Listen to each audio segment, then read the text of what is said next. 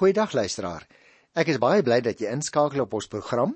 Ons is vandag by die 4de groot afdeling in die evangelie volgens die beskrywing van Lukas. En dit strek hierso so van Lukas 4 vers 14 reg tot aan die einde van Lukas 9 vers 50. En eh, die as 'n mens nou 'n uh, titel bo aan moes skryf, dan sê jy sê waaroor gaan hierdie vyf hoofstukke? En dit gaan eintlik oor die gebeurtenisse in Galilea. Met ander woorde daar in die omgewing van die see van Galilea of soos dit ook genoem word, die see van of die meer van Genesaret. Nou goed, kom ons begin dadelik. Die opskrif is Jesus in Galilea.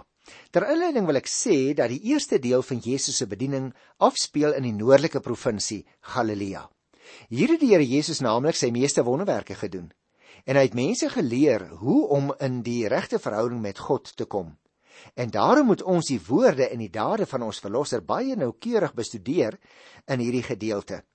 Lukas beklemtoon naamlik die werk van die Heilige Gees reg deur die bediening van die Here Jesus. Jesus tree nou in Galilea op voordat hy nog in Nasaret kom. Hier staan hy het die mense in die sinagoges geleer.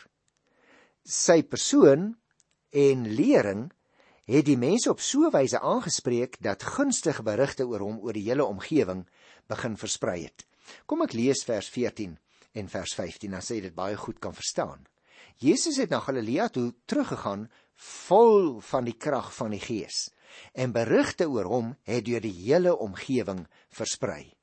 Hy het die mense in die sinagoges geleer en almal het met lof van hom gepraat. O luisteraar, dit moes almal wonderlike tyd gewees het om dit persoonlik te kon belewe, nê? Nee. Nou goed, vers 16, die Here Jesus word nou uit Nasaret verdryf en hier is een van die groot stukke ironie, want hy het in Nasaret groot geword, maar kom ek behandel dit liewer uit die Bybel self. Vers 16 sê, Hy het ook in Nasaret gekom waar hy groot geword het en soos sy gewoonte was, het hy op die Sabbatdag na die sinagoge toe gegaan. Interessant, luisteraars, soos sy gewoonte was. Lukas beeld Jesus se aardse lewe af as 'n gewone mens. En hieruit beskryf hy Jesus se godsdienstige lewe en hy vermeld hoe Jesus gereeld die sinagoge besoek het. Jesus se voorbeeld laat vir jou vir my ook besef hoe flou enige verskonings waarom ons nie kerk toe mag gaan nie is. Jy sien gereelde gesamentlike aanbidding behoort 'n onlosmaaklike deel van elke Christusgelowige mens se lewe te wees. En bytendien moet jy onthou in die destydse opset van die Joodse kultuur het die sinagoges 'n baie baie belangrike rol gespeel juis in hulle godsdienstige lewe. Terwyl die Jode so 5 600 jaar voor daardie tyd in ballingskap was in Babel en dus nie meer 'n tempel gehad het nie, het hulle juis op die Sabbat in sinagoges bymekaar gekom om te aanbid. Gedurende weksdae is die sinagoges dan as 'n skool vir die jong seuns gebruik. En hierdie gebruik het voortgeleef selfs ook nadat die tempel herbou is toe hulle teruggekom het in 538 uit die ballingskap. Die mense kon naamlik 'n sinagoge oprig op enige plek waar uh, daar Joodse gesinne was. Gewoonlik was die bepaling wat die rabbies opgestel het, daar moet 10 Joodse gesinne wees. En dit is dan bestuur deur 'n leier en 'n assistent en as uh, besoekende rabbies daar gekom het, is hulle dikwels genooi om in die sinagoges te leer en die skrif te verklaar. Terwyl Jesus dan nou in Galilea opgetree het, het ons gelees, het hy in Nasaret gekom en soos hy gebruik was, uh van die reg van elke manlike Israeliet om uit die profete geskrifte voor te lees, so gebeur dit dan nou ook die dag daar in Nasaret.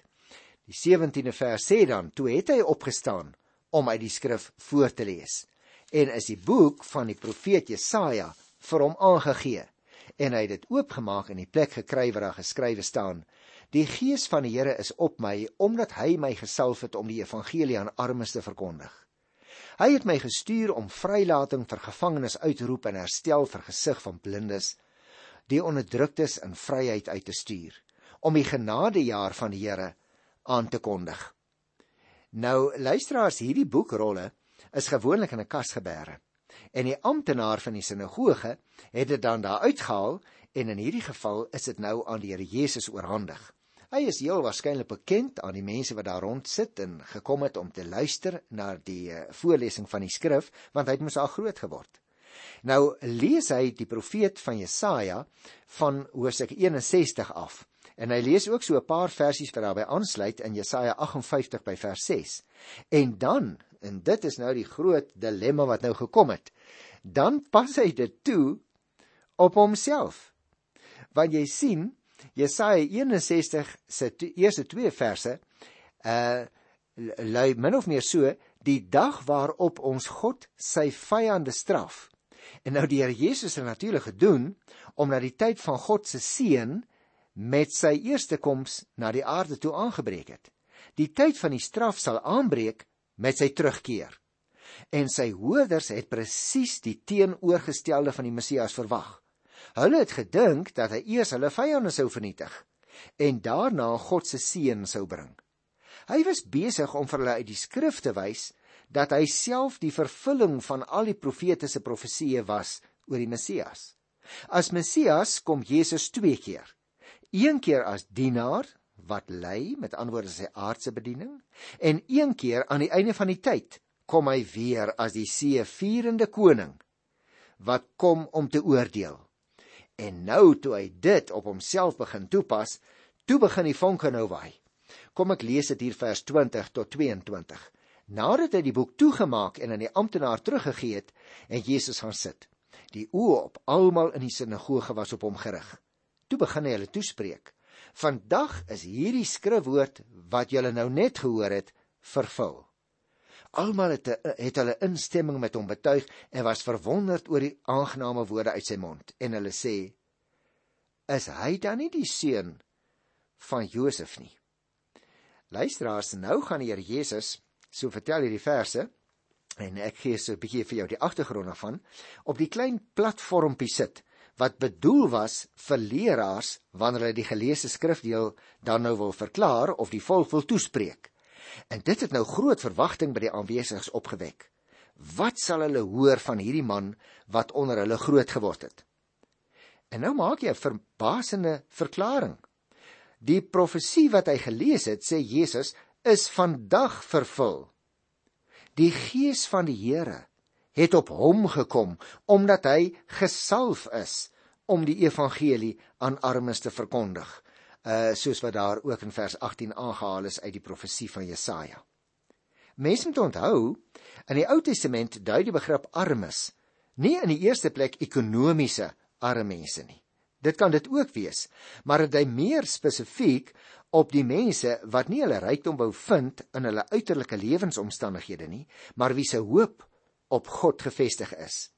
Die blye boodskap vir hulle is dus dat God homself vir hulle gegee het. Die sending van die Messias is ook bedoel om vrylating vir die gevangenes uit te roep, soos die profeet Jesaja voorsê het. Nou, dit is natuurlik 'n verwysing na die jubeljaar wat elke 50ste jaar gevier is En jy sal onthou as jy gereeld na ons program luister, ons het dit juis behandel in Levitikus 23 van die 10de vers af, toe ons gepraat het oor daardie 50ste jaar waarin die jubeljaar gevier is en waarin mense wat weens skuld as slawe verkoop is, vrygelaat moes word. Hier dui dit dus op mense wat op die een of ander manier slawe is, ook slawe van die sonde, hoor. Die Messias sal die blindes weer laat sien en die onderdruktes, dis nou hierdie mense, hulle vryheid gee. Jy sien die skaduwee van die Ou Testamentiese genadejaar sal deur die Messias tot werklikheid gemaak word. En daarom het die 22ste vers gesê almal het hulle instemming met Jesus betuig. Jy sien, die eerste reaksie van die hoorders was baie gunstig. Maar iets het begin haper. Iets het hulle gepla in hulle denke. Want uit sy woorde kon hulle aflei dat Jesus daarop aanspraak maak om die Messias te wees. En jy sien dit is natuurlik ongehoord. Hy is immers maar net, so besef hulle en sê hulle nou, die seun van Josef. En volgens hulle verwagting sal die Messias met groot heerlikheid verskyn om die vyande van Israel te verdelg en die koninkryk van Dawid weer op te rig. Om Jesus te ken, moet jy en ek onthou, is om die waarheid te ken. En dit is juis wat hierdie wêreld nodig het. Mense is verward en verlore. En as ons wil hê ander mense moet hulle tot God bekeer, moet ons wat op grond van die skrif sê ons is Christene, moet ons dan ook so lewe dat hulle die waarheid in ons kan sien. Ek wil jou 'n vraag vra. Is jou lewe so vol van die Here Jesus se liefde dat ander dit ook aan jou dade kan sien, dat hulle dit ook in jou woorde kan hoor? Want hierdie mense wou nie die liefde van die Here uit die mond van die Here Jesus hoor nie. Hulle wou nie aanvaar wat hy sê dat hy die Messias is, toe hy die skrifte op hom van toepassing maak nie. En daarom moet ek nou dadelik vinnig lees hier van vers 23 af. Toe sê Jesus vir hulle: Julle sal seker die spreekwoord aan my wil voorhou. Genees hier genees jouself. En vir my wil sê, ons het gehoor wat alles in Kapernaum gebeur het. Doen nou dieselfde dinge ook hier waar jy groot geword het. Maar dit verseker ek julle, sê hy toe verder. Geen profeet word in die plek waar hy groot geword is aanvaar nie. Ek sê vir julle die waarheid. Daar was baie weduwees in Israel in die tyd uh van Elia, toe die hemel 3 jaar en 6 maande lank toegesluit is, sodat daar 'n groot hongersnood in die land gekom het. Tog is Elia nie na een van hulle toe gestuur nie, maar wel na 'n weduwee in Sarfat in die gebied van Sidon. En daar was baie melaatses in Israel in die tyd van die profeet Elisa. Tog is nie een van hulle genees nie, maar wel Naaman die Siriër. Nou luisteraars, hier neem die Here Jesus hulle as dit ware so 'n bietjie terug in die geskiedenis en her, herinner hulle aan sekere gebeure wat by hulle bekend was uit die Joodse tradisies. Jesus het uh, hulle verset begin opmerk en nou begin hy dit vir hulle verwoord. Hy sê die spreekwoord oor die geneesheer byvoorbeeld bedoel dat Jesus eers moet toon hoe dat die beloftes van die profesie in sy eie omstandighede vervul is. Hy moet sy aanspraak as dit ware bewys deur die wonders wat hy in Kapernaum gedoen het. En nou wil hulle hê hy moet dit hier in sy tuisdorp herhaal. Hulle verwerp dus sy aansprake want hy doen die wonderwerkers van Kapernaum nou ook hier by hulle nie. Maar op hierdie verwagting reageer Jesus met 'n baie plegtige verklaring en sê geen profeet word in die plek waar hy groot geword het aanvaar nie. En daarmee sê Jesus dat hy 'n profeet is. Want met hom gebeur nou wat gewoonlik met profete gebeur. Om die waarheid van sy stelling te bewys, gebruik Jesus dan nou die twee voorbeelde uit die geskiedenis, Elia en Elisa. Luisteraars, Ons moet ook verstaan net soos wat hy wou hê, hulle moes dit verstaan wat nou voor hom gesit het. Hierdie twee profete, Elia en Elisa, sê Jesus, is nie na die melaatses en na die weduwees in Israel gestuur nie, maar na sulke mense buite Israel. In sy vrymag kan God sy eie mense verbygaan as hy wil. In Jesus se woorde lê dus die bedekte waarskuwing dat indien sy eie volk hom sou verwerp, hy hom tot die heidene sal wend. En nou kan ek dink luisteraars, nou die mense uh meer as geïrriteerd begin voel. Ek dink hulle was op hierdie stadium redelik vies vir dit wat hy sê. Uh want hulle wil hom nie aanvaar nie, hulle ken hom te goed. En in ons tyd gebeur dit ook maar so.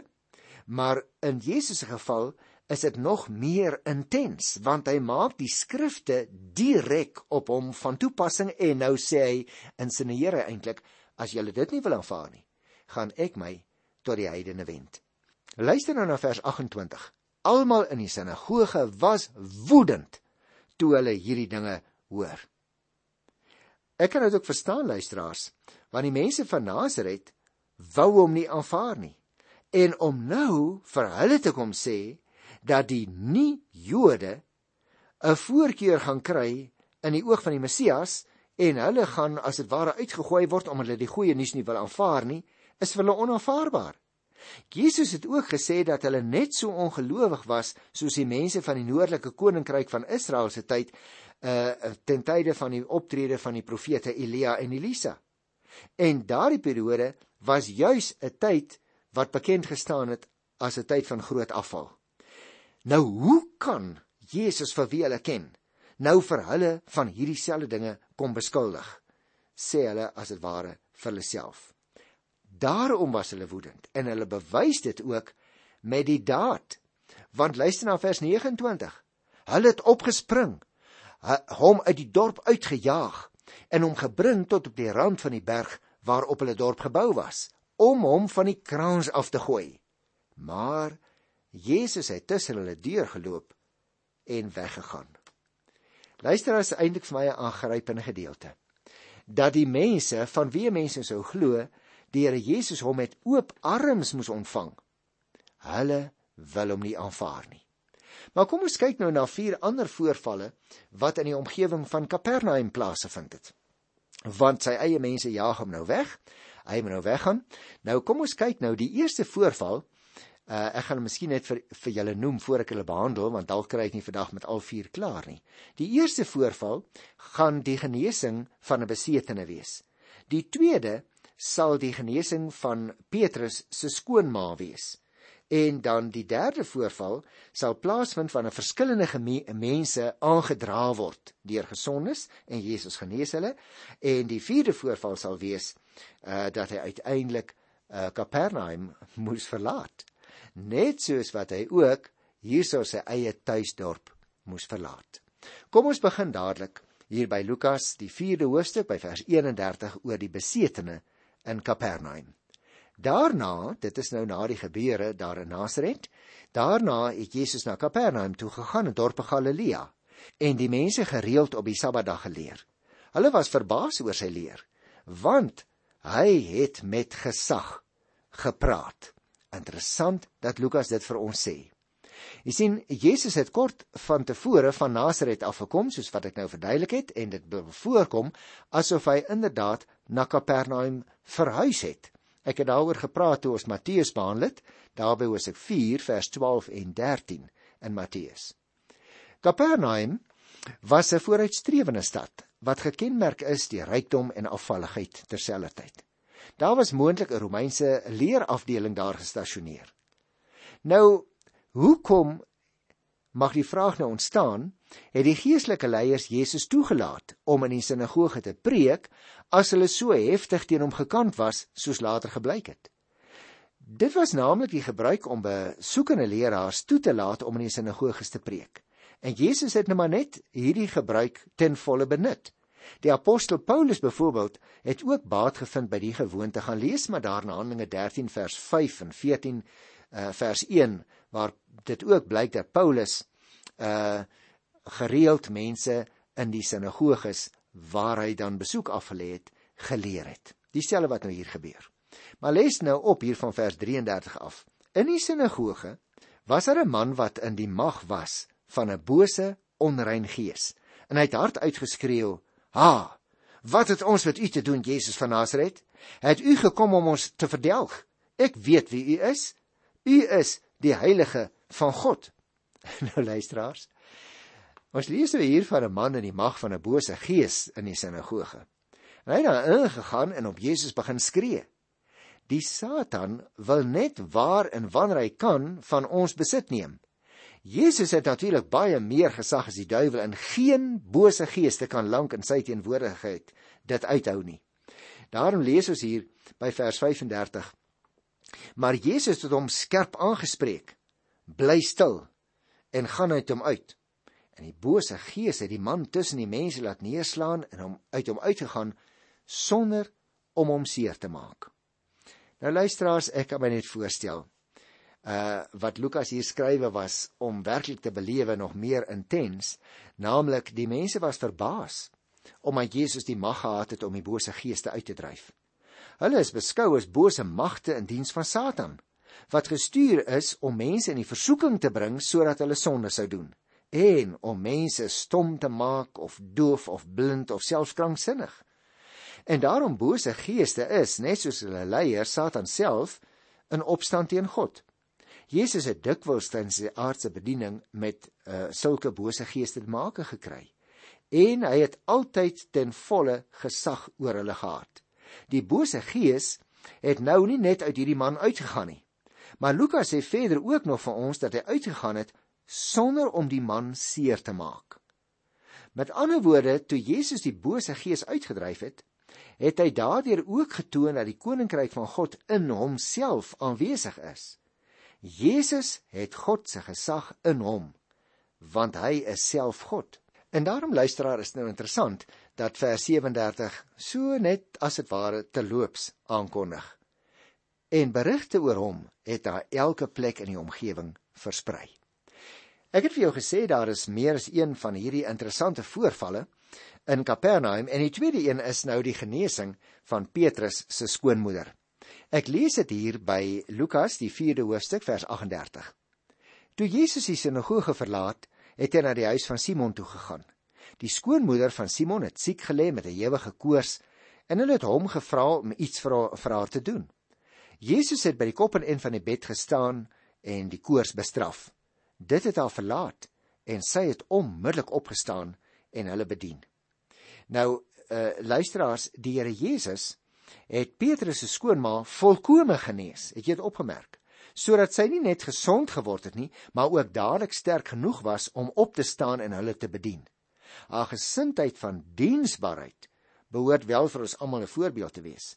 God gee vir ons gesondheid sodat ons ook weer verander tot diens kan wees.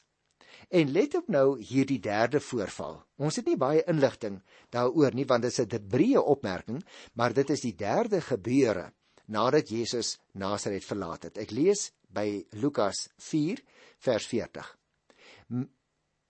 Met son onder het almal hulle siekes wat aan allerlei kwale gelei het na hom toe gebring. Hy het hulle een vir een die hande opgelê en hulle gesond gemaak. Ook bose geeste het uit baie uitgegaan terwyl hulle skreeu: "U is die seun van God." En Jesus het hulle skerp aangespreek en hulle nie toegelaat om sulke dinge te sê nie, omdat hulle geweet het dat hy die Christus is.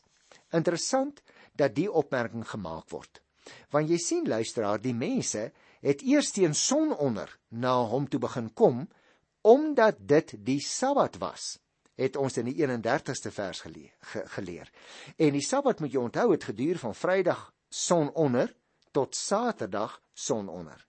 Die wet het hulle dus verbied om op die Sabbat te reis en daarom wou hulle nie voor die tyd na Jesus toe kom nie.